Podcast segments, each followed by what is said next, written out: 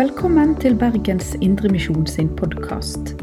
For mer informasjon om oss, besøk oss på betlehem.no, eller finn oss på Facebook og Instagram der som Bergens Indremisjon.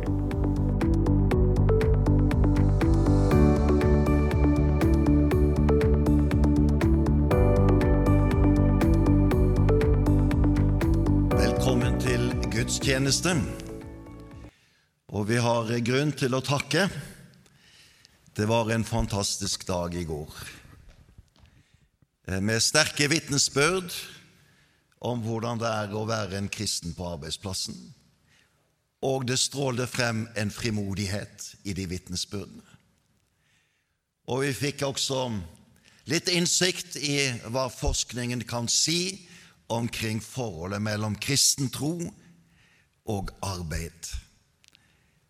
Interessante ting.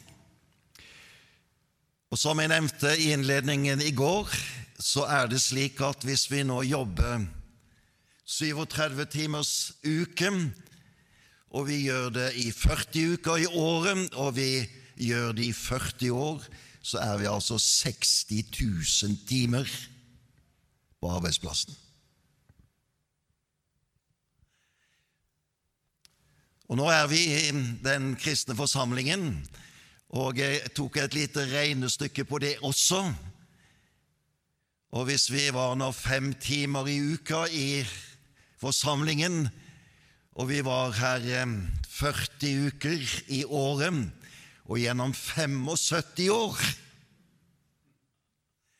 Da var vi i forsamlingen 15 000 timer, atskillig mindre enn på arbeidsplassen.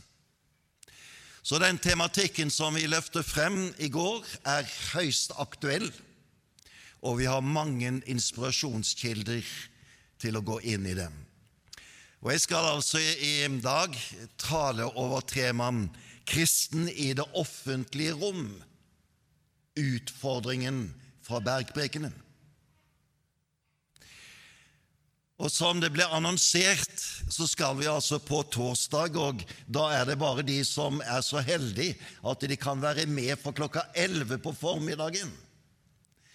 For da skal vi altså på en måte være innenfor samme tematikken, hvor altså Per Sævik, som forvalter ganske mange milliarder, skal snakke om det å være kristen forretningsmann i dag ideal og utfordringer. Og det ligger i sporet fra den arv vi har ifra Hans Nilsen Hauge. Skal vi kort be. Herre Jesus, vi er samla i ditt navn, under dine løfter om ditt nærvær. Og nå ber vi, Herre, om at ditt ord og dine tanker og dine planer for våre liv må stige frem, og at du ved din ånd må bruke det som sies, til å fornye vårt liv. Amen.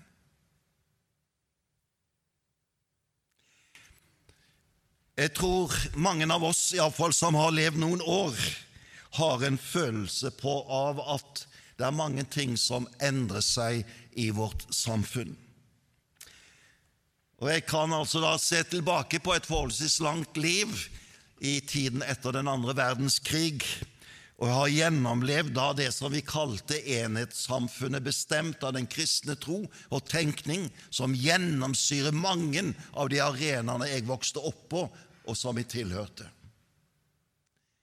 til da den tiden vi lever i i dag, hvor vi opplever nok at sann tro og kristen tenkning blir mer utfordrende, og vi kan oppleve å bli marginalisert, og som du, Bjørn, sa ifra samtalen, en minoritet i vår tid. Vi blir oftere offentlig angrepen og latterliggjort. I en slik situasjon er spørsmålet hvordan møter vi den tiden vi da lever i?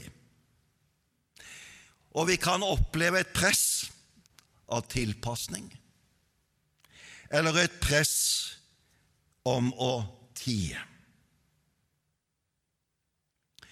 Vi kan reagere forskjellig, og vi kan miste motet noen ganger, og derfor velge en, det vi kan kalle en tilpasningsstrategi eller en tilbaketrekningsstrategi. Hvor de ulike sider ved den kristne tro, som kan virke anstøtelige i den tid vi lever i, blir nedtonet eller blir fortia. Men det er en tredje vei, og det er den veien jeg ønsker å løfte frem i dag, nemlig en fornyet frimodighet.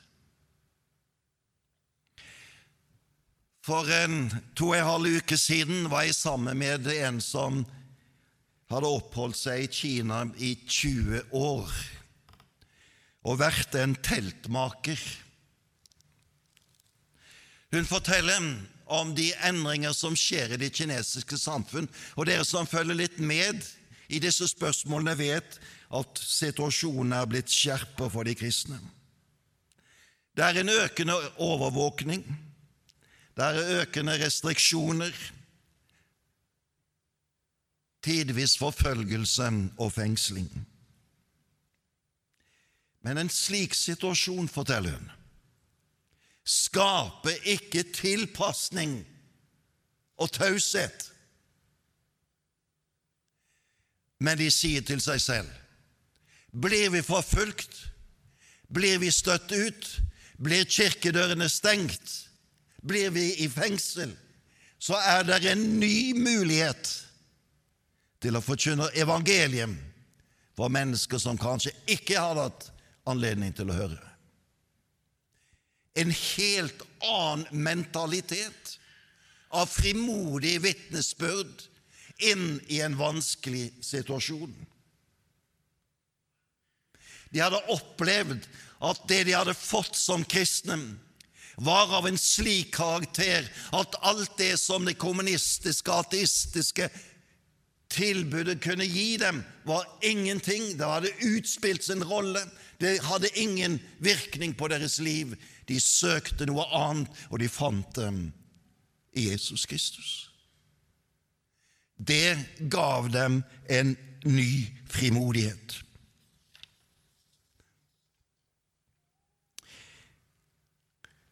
Hva er det vi er vitne til i et sånt vitnesbyrd?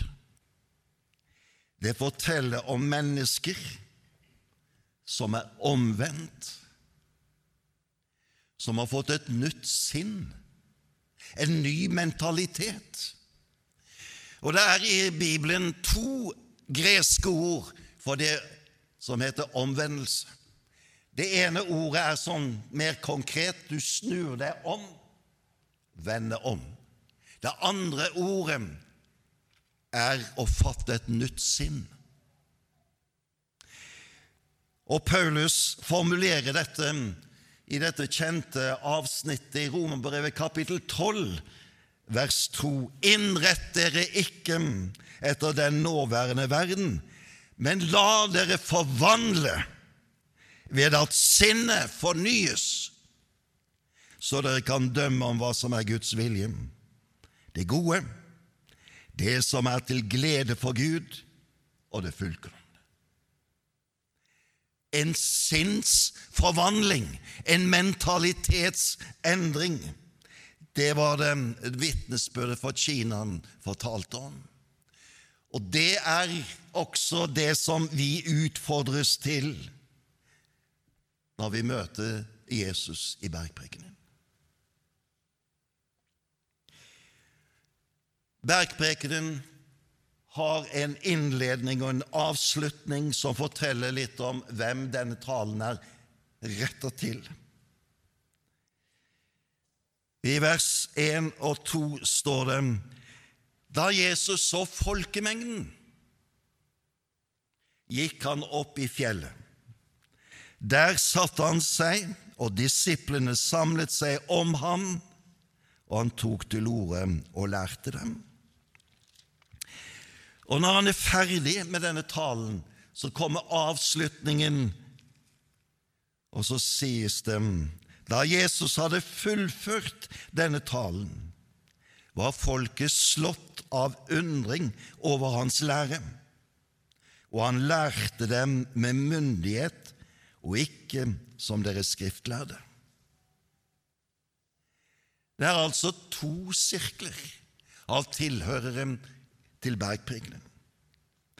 Innerst står disiplene. Jesus setter seg ned, og de samles omkring ham i den indre krets. En typisk disippel-lærersituasjon. Og Denne prekenen som da Jesus holder, er en beskrivelse av disippellivet.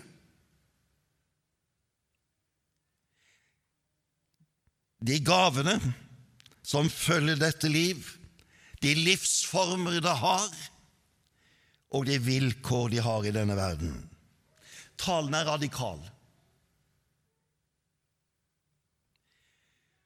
Og når den stilles opp for oss, og vi speiler våre liv i denne talen, så er det mange ganger vi må si, Herre, hjelp meg. La mitt sinn bli forvandlet, slik at mitt liv avspeiler det disippelskap som du har kalt meg til, og som jeg står i. Som Paulus sier, innrett dere ikke etter denne verdens vis, men la dere forvandle ved at sinnet fornyes.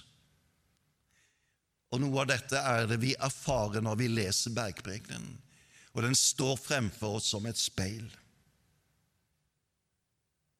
Vi kalles inn i en fornyelse av vårt liv. Utenfor denne disippelkretsen står altså det som teksten sier, folkemengden. Og det er ikke tale om en folkemengde som er i fiendtlig innstilt til Jesus. De har søkt dit fordi de er fascinert av han. De vil gjerne lytte til han og høre hva han har å si. Og de erfarer det helt uvanlige. Her er det en lærer som stiger frem med en slik myndighet at de sitter der i undring.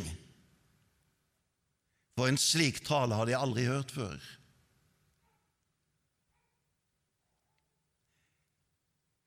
Jesu tale også til denne delen av tilhørerskaren den gang er ingen tilpasning til tilhørens ønsker og tanker men det er en radikal utfordring. Og Hele talen avsluttes med dette kjente bildet om de to hus. Det som er bygd på sand, og det som er bygd på fjell.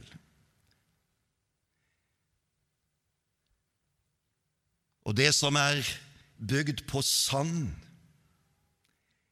det raser i hop når livets utfordringer treffer en. Men det hus som er bygd på fjell, det blir stående. Og hemmeligheten ved byggingen er at den som bygger på fjell, han hører og gjør det ordet taler om. Han er en Jesu disippel.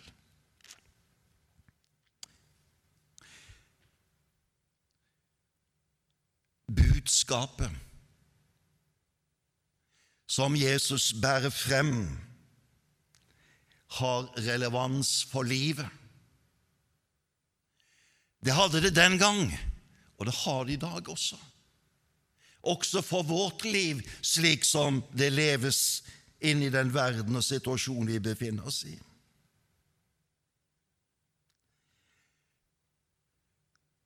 Og Hvis vi nå går tilbake til innledningen til denne talen, så sier Jesus om hvem som har del i denne nye virkeligheten som er disippelvirkeligheten.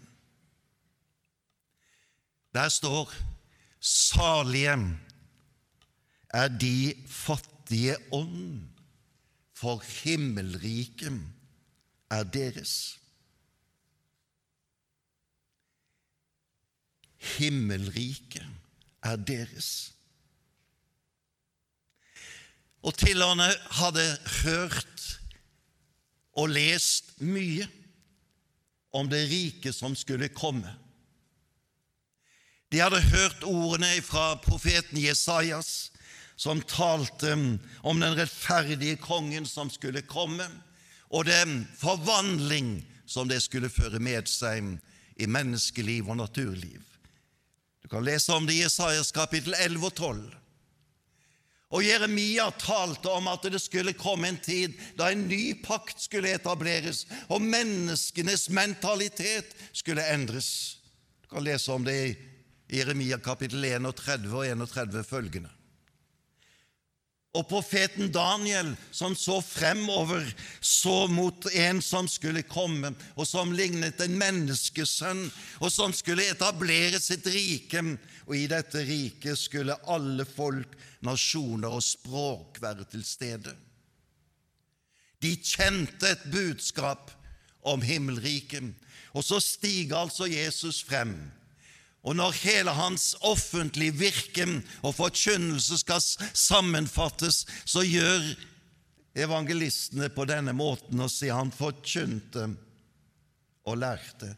Himmelriket er kommet nær.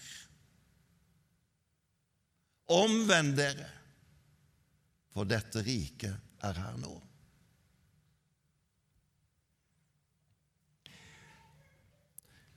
Jesus hadde invitert inn til et nytt borgerskap i det som Gud skulle gjøre i verden, og som nå var kommet så nær at gjennom Jesus Kristus så var Gud i aksjon med sin frelseshandling. Og det var mulig å bli borger av dette riket. Omvend dere eller som det står i den første saligprisningen Salige er de fattige i ånden. De som nærmer seg Jesus Kristus med denne tilnærming at i meg selv, i mine krefter, i min kunnskap, i mine materielle verdier, eller hva det måtte være som jeg sitter med, i denne verden. Ikke noe av dem har muligheten til å omskape mitt sinn og forvandle den verden som vi lever i, slik at den minner og nærmer seg Guds rike. Denne omvendelsen, som søker den andre kilden, nemlig den som er hos Gud, fører til et nytt liv. En gjenfødt. En ny måte å tenke på. En ny måte å leve på.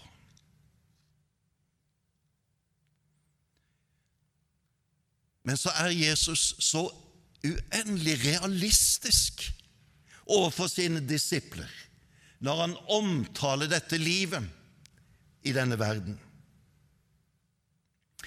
Han skjønnmaler det ikke, men han er realist. Og så sier han at i denne verden vil dere møte motstand. Det vil få konsekvenser for ditt liv. Og etter at han har gitt syv saligprisninger i bergprekenens innledning, så stanser han for denne livssituasjonen de befinner seg i.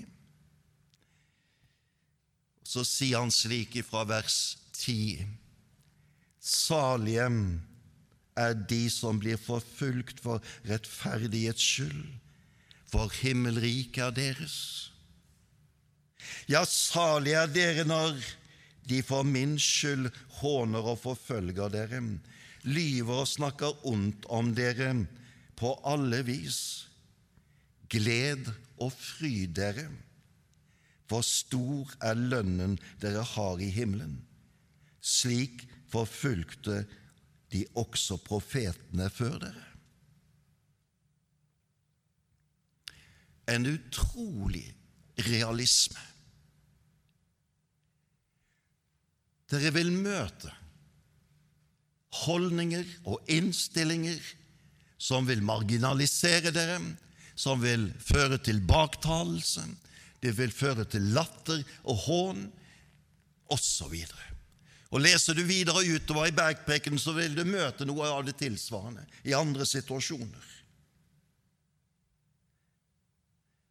Den erfaringsverden som skildres her i denne del av bergprekenen, er lite kjent for oss selv.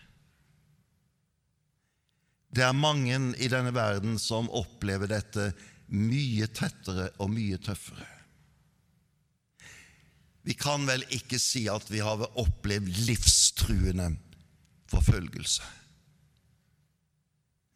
Selv om vi kan oppleve verbal motstand og en mer tilslørende forførelse.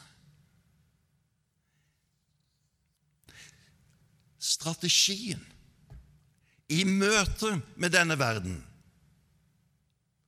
det er den som er Jesu anliggende i denne situasjonen. Og Den strategien består av flere elementer. For umiddelbart etter at Jesus har beskrevet denne situasjonen med utfordringer og vanskeligheter, så fortsetter han inn å beskrive et liv i kraft og styrke. Men så sier han allikevel salige er dere om dere opplever det slik.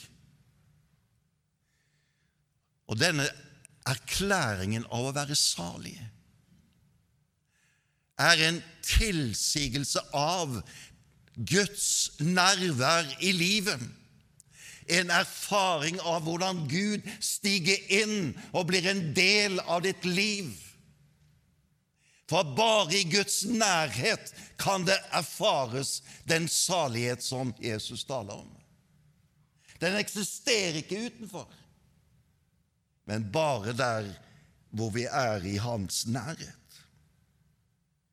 Og så sier Jesus også i denne tekstsammenhengen husk på de har forfulgt profetene før dere. Dette er ikke første gang. Den verden vi lever i, har denne karakter, og det slår inn ulikt gjennom en liv og gjennom historien. Men det er slik den falne verden vil ytre seg. Husk, de har forfulgt profetene før dere. Og i Jesu egen avskjedstale til disiplene henter han dette inn igjen og si Vel, er det slik at verden kommer til å hate dere? Husk, den har hatet meg først. Livssituasjonen som både profeter og Jesus opplevde og erfarte,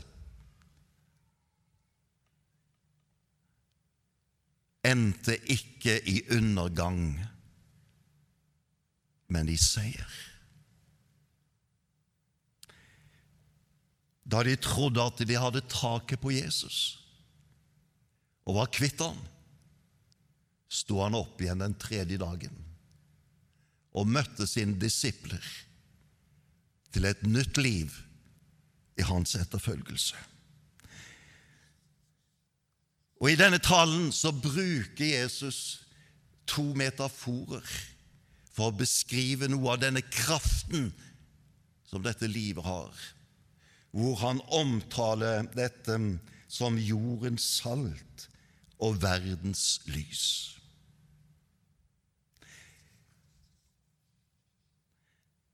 Disse to bilder, eller metaforer, signaliserer egentlig en revolusjonærende kraft. Og stedet for virkningen av denne kraften er verden og jorden. Og det er ingen avgrensning slik at dette bare skulle være gjeldende for familien eller menigheten eller bestemte grupper. Men det er i verden, på jorden. Saltet og saltets kraft. Dere er jordens salt. Men hvis saltet mister sin kraft, hvordan skal det da bli gjort til salt igjen? Det duger ikke lenger til noe, men kastes ut og tråkkes ned av mennesker. Metaforen salt var nok fordi forbundet med den saltvirkning som stanste forråtnelsesprosesser i kjøtt og fisk. Og så bruker Jesus denne sammenligningen. Dere dere har en slik betydning inn i den verden vi lever i, slik at det stanser og begrenser de krefter som vil ødelegge denne verden.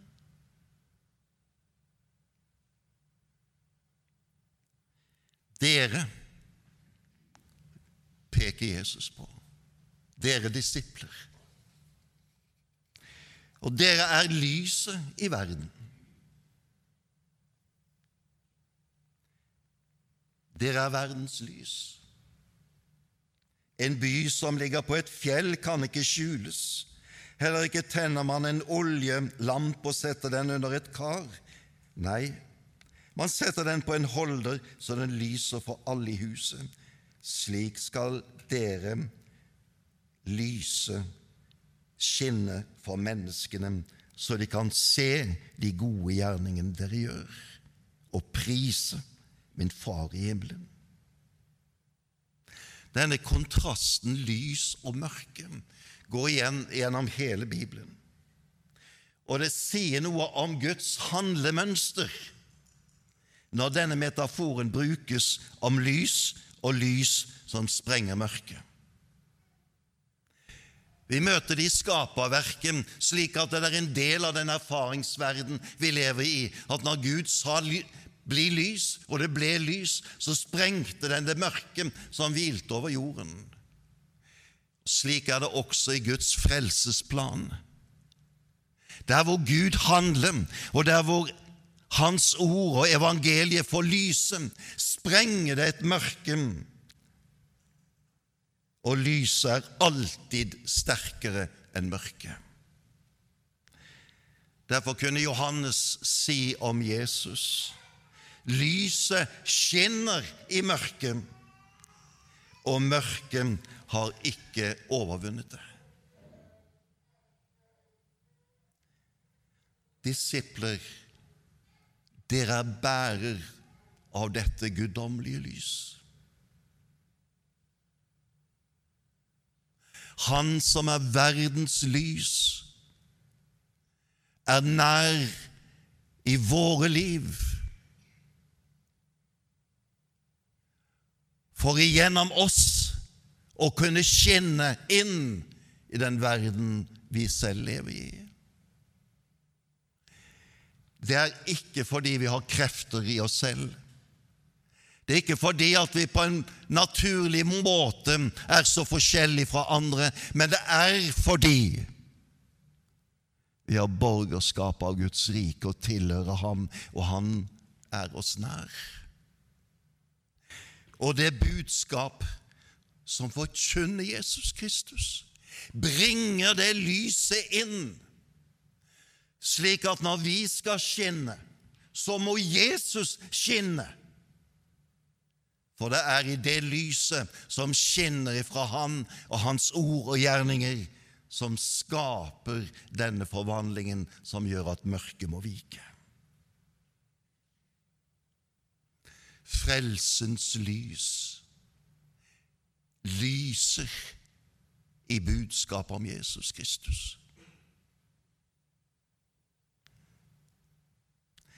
All tale kristelig tale som ikke har dette sentrum, blir på en måte kristelig pjatt. Det forvandler ikke noe menneskes liv. Det er evangeliet om Jesus. Og det at han stiger inn i våre liv, som endrer den mentalitet, nemlig at vi blir fornyet i vårt sinn. Så vi lærer Gud å kjenne. Hans vilje, det gode, det som er til Guds glede og det fullkomne.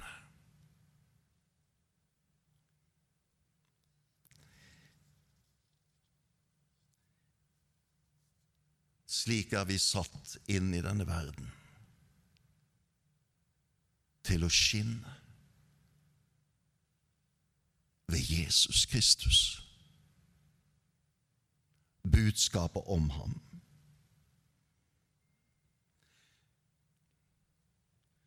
Og igjen tilbake til det vitnesbyrdet som lød ifra Kina. De møtte motstand. De bærer rett til å møte motstand. De har en mentalitet som forteller dem at i denne verden er det slik. Men det som regimet bærer frem av livsfylde, av mening, det gir ingen mening. Det er Jesus som gir mitt liv innhold, retning og kraft. Og skulle det skje at de vil begrense vår virksomhet, så finner vi bare nye plasser å møtes. Og skulle det gå så galt at jeg blir satt i fengsel, så er det andre som sitter i dette fengsel, og det er fangevoktere som er der. De trenger å høre evangeliet. En forunderlig mentalitet.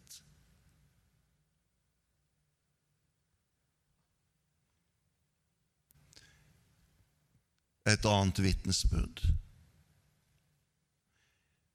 Dagen 31. oktober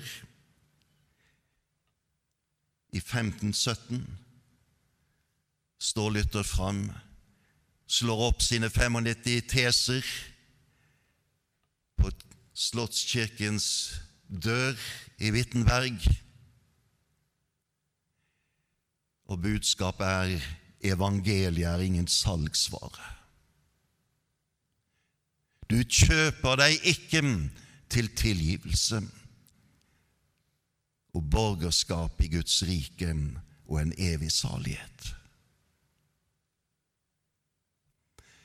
Det er gjennom Jesus Kristus og det han har gjort for oss, at det nye livet stiger frem. Og disse tesene som ble der slått opp, skapte altså en bevegelse i hele Europa. Evangeliet var en Guds kraft. Måtte det lyde et vitnesbyrd fra oss i den tid vi nå lever i. De trodde på ham og fulgte ham. Og vi hørte Jesus Kristus. Der hvor vi ferdes. Inn i de ulike arenaene som vi beveger oss på i løpet av en uke, en måned og et år. La oss være lyset. Slik byen som er på det store fjellet og lyser slik at alle ser den, eller slik som det er når du tenner en lampe og setter den i lysholderen, og den skinner. Du plasserer den ikke under ei bøtte.